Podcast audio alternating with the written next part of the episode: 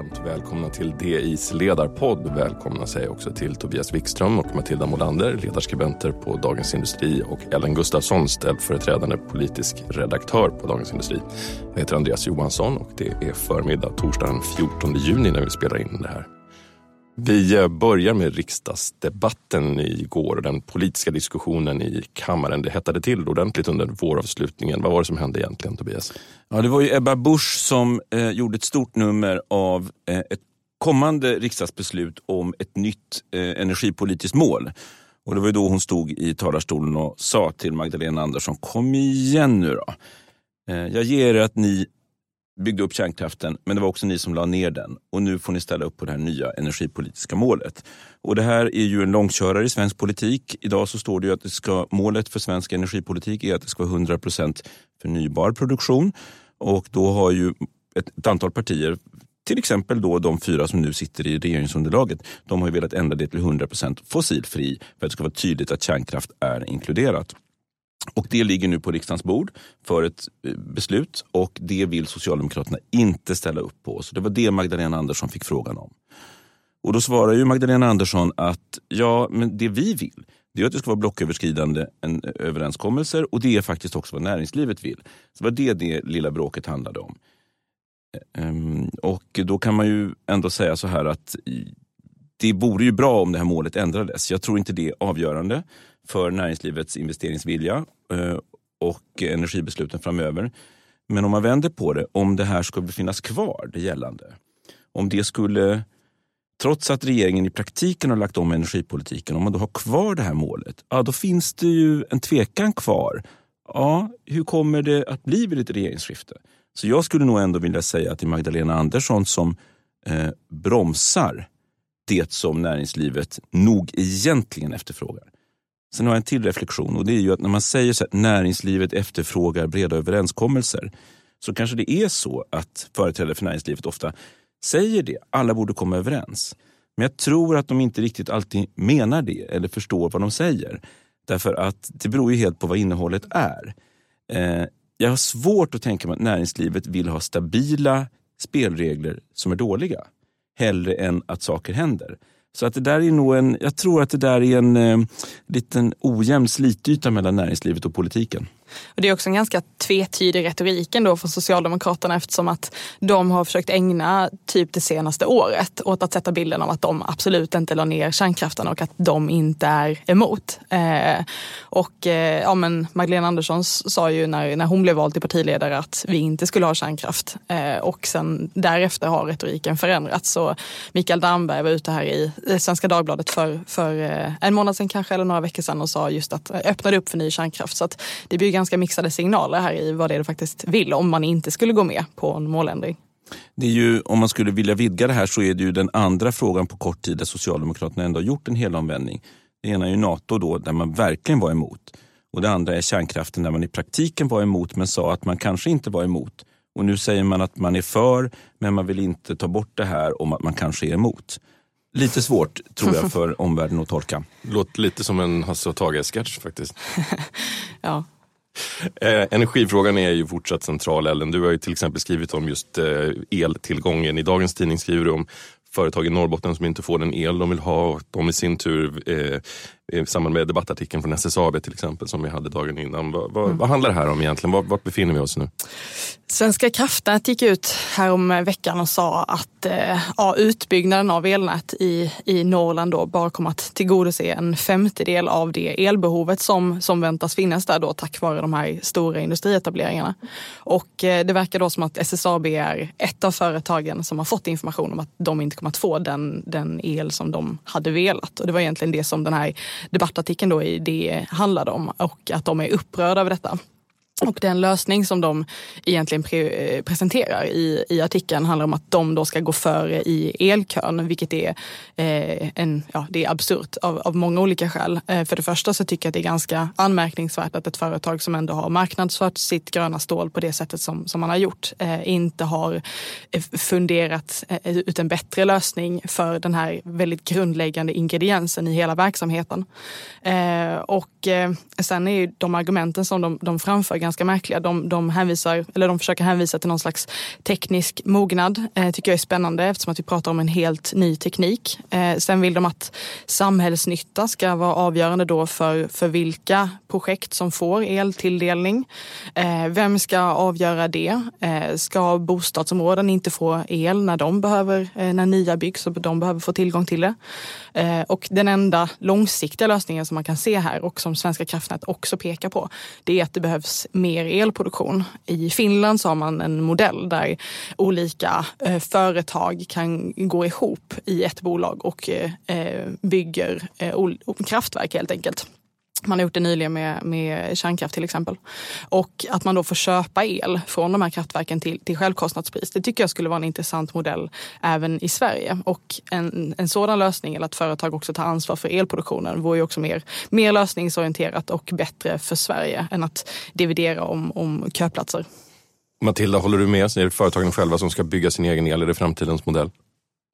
Men det, det är väl klart att företag måste ta ett eget ansvar för Eh, elutbyggnad. Det är det många också som gör. Så jag att här har också staten ett stort ansvar att bygga ut elnäten så att det, elen kan transporteras från där den produceras till där den verkligen behövs. Så det är ett delat ansvar. I dagens debattartikel signerad bland annat Ulf Kristersson eh, så tar jag avstamp i att man ska öka takten i arbetet om omställningen. Är de här åtgärderna tillräckliga? Vad säger ni? Ansatsen skulle jag säga är väldigt god. De, de lyfter upp att det är näringslivet som är den nya miljörörelsen och det ligger ju väldigt mycket i det. Och sen är det klart att näringslivet också behöver politisk hjälp. Och, eh, men det måste ju, precis apropå det vi pratade om innan, det måste ju vara rätt typ av hjälp om man säger så. Och där tycker jag att eh, regeringen, eh, eller ministrarna då i, i den här debattartikeln har, eh, har många goda poänger. Att det framförallt handlar om energitillgången och att underlätta för att få tillstånd. Eh, jag skulle säga att det här är ju de, de två största, största hindren för företag som vill ställa om idag. Så det tycker jag är väldigt goda nyheter. Ellen, tillbaka till kärnkraften. Du eh, skrev ju om kärnkraften också i måndags och eh, en speciell anledning till ett procentuellt mål eh, som behövs. Kan du utveckla och förklara? Ja, men det handlar helt enkelt om att elsystemet är väldigt komplext även om det inte alltid behandlas så varsamt i politiken. Eh, och att när du gör förändringar i elsystemet så kan det få för stora effekter. Och kärnkraften är ett sådant exempel. Eh, vi hade ju tidigt i Sverige en väldigt stabil elförsörjning, ett stabilt elnät. Eh, det var i princip fossilfritt redan 1985. Och det var tunga generatorer från kärnkraft och från vattenkraft. Eh, Hej, Ulf Kristersson här. På många sätt är det en mörk tid vi lever i. Men nu tar vi ett stort steg för att göra Sverige till en tryggare och säkrare plats. Sverige är nu medlem i Nato. En för alla, alla för en. Vi är specialister på det vi gör, precis som du. Därför försäkrar vi på Swedea bara småföretag, som ditt. För oss är små företag alltid större än stora och vår företagsförsäkring anpassar sig helt efter firmans förutsättningar. Gå in på swedea.se företag och jämför själv. Som gjorde att vi då hade detta och en stor andel planerbar el. Och idag ser det annorlunda ut. Och eh, de senaste decennierna har vi ju lagt ner ja, hälften av den svenska ursprungliga kärnkraftsflottan. Och med de reaktorerna så har det inte bara försvunnit el som vi hade behövt under de mörka timmar på dygnet under vintern när det inte blåser och när vi inte kan få el från till exempel sol och vind. Det här är också någonting som Svenska kraftnät pekade på i en, i en rapport som kom ut för några veckor sedan. Utan den här nedläggningen har också försvagat elsystemet helt enkelt för att kärnkraften stabiliserat elnätet. Eh, och eh, det finns flera exempel på det. Eh, när Ringhals kallades in sommaren 2020 av Svenska kraftnät efter att ha varit nedlagt under eh, våren, eh, eller avställt, eh, så var inte det primärt för att man behövde elen som, som reaktorerna gav, utan det handlade om att man behövde spänning i nätet för att kunna överföra el från norra Sverige till södra. Apropå det här med utbyggnaden av elnätet, att det räcker faktiskt inte om inte vi har kraftslag som också ser till att vi kan transportera den. Ett annat är då Sydvästlänken som skulle kompensera kompensera, eller en förstärkning av stamnätet som skulle kompensera för nedläggningen av Barsebäck i Skåne. Men när den var klar, eh, den här förstärkningen här om året, så kunde inte den överföra lika mycket el som man först hade planerat. Eftersom att Ringhals hade, eh, reaktorer i Ringhals hade lagt ner. Och det här är också någonting som Svenska kraftnät var ute och slog larm om då. Så att det här är ju eh, exempel som visar på att vi behöver ett större systemfokus i energidebatten. Och om man, eh, apropå det vi pratade om tidigare, men om det är så nu att kraftslagskriget eh, kanske går mot sitt slut, man skulle kunna hoppas det i alla fall på eh, liksom i den nationella politiska nivån, eh, så skulle det här systemfokuset behöva vara det som tar efter. Eh, vi behöver se till att vi har en elmix som säkerställer en billig och säker elförsörjning. Det här har ju varit den, den totalt eh, förbisedda aspekten i hela debatten. Säkert inte bland ingenjörer och de som mm. är närmast sörjande så att säga. Men i den politiska debatten har ju den här systemaspekten varit i det närmaste helt frånvarande. Mm. Ja. Så att det är ju en, det är en startsträcka för att liksom få igång den diskussionen om behovet av eh, planerbar el. Mm. Och det är ju en vansinnigt teknisk eh, diskussion. Jag tror att det, det, är enklare när det handlar om eh, är man för eller emot vindkraft eller kärnkraft på något sätt så, men, men det, det, är inte så banalt så att säga. Eh, och elsystemet är, är komplext och vi behöver också ta det på den, det allvaret som det ändå är. En komplex fråga som jag tror att vi kommer att åter, återvända till även i framtida poddar. Vi ska byta ämne och eh, prata om en snackis i veckan. Aftonbladets hm avslöjande där man spårade återvunna plagg till soptippar i Benin. H&M har ju haft en hög svansföring just när det kommer till cirkularitet och hållbarhet. Det här måste väl ses som ett enormt misslyckande, Matilda? Ja, men det är det ju. Eh, som du är inne på så har ju H&M verkligen under lång tid försökt att profilera sig som ett hållbart modeföretag. Man är ju också gärna ute i debatten om grön omställning. Senast eh, häromveckan ställde man krav på att politiken måste göra mer för att öka det cirkulära inslaget i, i ekonomin. Och att då avslöjas med, med att ens egna cirkulära eh, initiativ i verkligheten är det här, det, ser ju, det, det är ju pinsamt. Mm. Så är det. Precis, näringslivet brukar ju då säga att vi har, vi har ledartröjan i den gröna omställningen. Det typ visar att det inte är, riktigt är så enkelt. Nej men eh, så, så är det ju. Eh, och jag menar, det är ju, alltså, om att ett företag som H&M som pratar så mycket om hållbarhet, de måste ju liksom kunna ordna en vettig återvinning av sina egna produkter utan att staten ska behöva gå in. Det här får ju deras rop på mer statlig reglering det sätter ju det i ett annat ljus eh, när de inte själva gör det de skulle behöva göra uppenbarligen. H&M, H&M är ju inte vilket företag som helst utan det är ju på något sätt det är, det är ju ett konsumentföretag som är i, ständigt i fokus för det här slit och slängsamhället. Det vill säga de säljer rätt så billiga kläder en del kanske säger av låg kvalitet, men i vart fall så är de billiga och de kanske inte används eh, tills de är färdiga, färdiganvända så att säga eftersom de är billiga. Så att de har ju naturligtvis haft ett behov av att visa att vi tänker cirkulärt. De har ju också haft väldigt hög svansföring. Ja. Stora skyltar i sina butiker om att, eh, ja vad står det, we close the loop. Mm. Och, mm. Så de har ju mycket att bevisa och de, jag tycker nog att de har kommit väldigt lätt undan den här väldigt allvarliga avslöjandet som Aftonbladet hade. Mm. Och det är just den här retoriken också som de har och har haft under lång tid som gör att fallhöjden blir ju så enormt, enormt hög. Eh, som, som vi var inne på tidigare, men de skrev ju under en debattartikel i DI eh, häromveckan med klimatprofessorn Johan Rockström med flera andra bolag också ska sägas. Eh, där man då egentligen slår mot politiken och försöker lyfta sig själva. Och det ekar ju ganska tomt i ljuset av, av en sån här granskning. Ja, och jag tycker att så, något som verkligen är tycker jag, pinsamt i den här historien det är också att äh, företaget duckade frågorna från Aftonbladet, att man inte ville ställa upp på en intervju och svara på det som hade kommit fram i granskningen.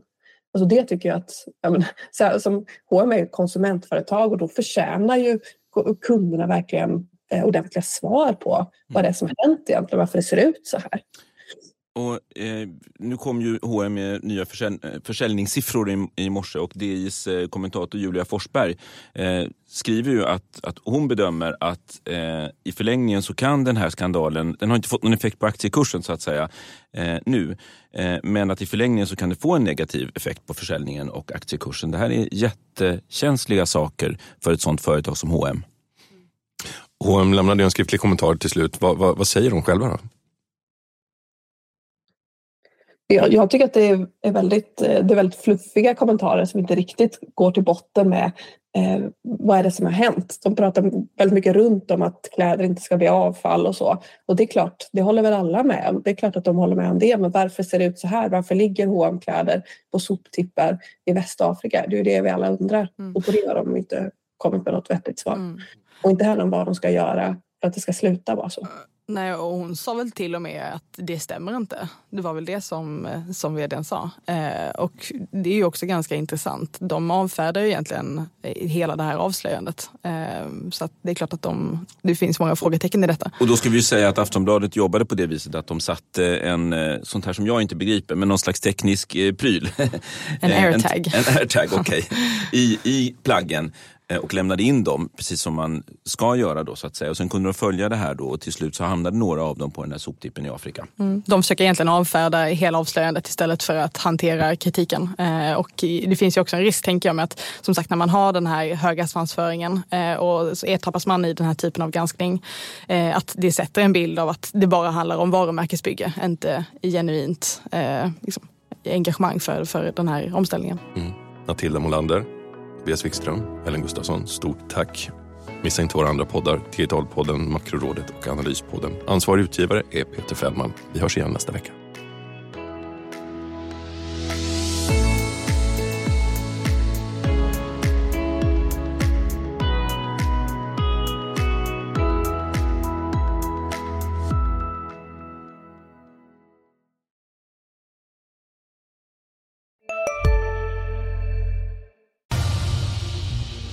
Expressen gör varje vecka podden Politikrummet där vi djupdyker i det senaste och viktigaste inom svensk politik. Med mig, Filippa Rogvall, som programledare tillsammans med mina vassa kollegor. Och det är ju ni som heter Thomas Nordenskjöld, Anette Holmqvist och Viktor Bartkron. Politikrummet kommer med ett nytt avsnitt varje tisdag. Vi hörs.